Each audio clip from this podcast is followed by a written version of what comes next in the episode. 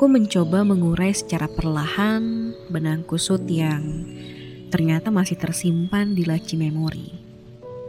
Bertahun-tahun berselang, tentu tak mudah untuk mengurainya menjadi lurus kembali, bukan? Benang kusut yang perlahan diurai turut membawa kenangan-kenangan yang sempat singgah. Entah itu kenangan buruk, senang, sedih, hingga yang biasa saja. Mau tidak mau, suka tidak suka.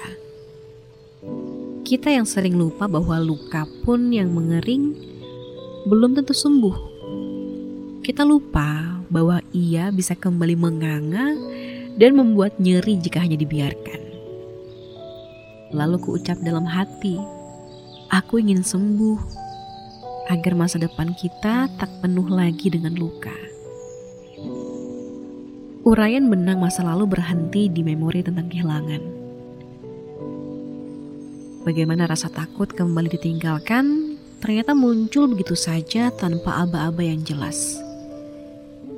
Manusia, seperti yang kau tahu, memang suka sekali menyimpan luka-lukanya sendirian tapi lupa untuk menyembuhkan.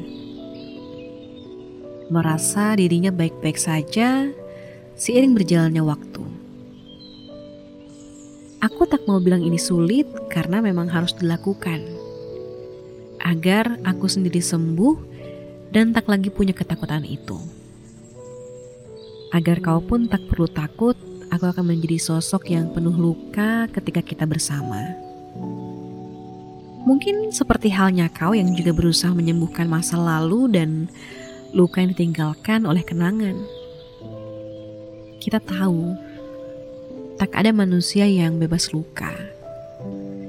Yang ada hanyalah manusia-manusia yang menyadari lukanya untuk kemudian berusaha menyembuhkan. Aku harus sembuh. Jika tidak sembuh, Bagaimana bisa ku sebut diri ini sebagai penyembuh lukamu?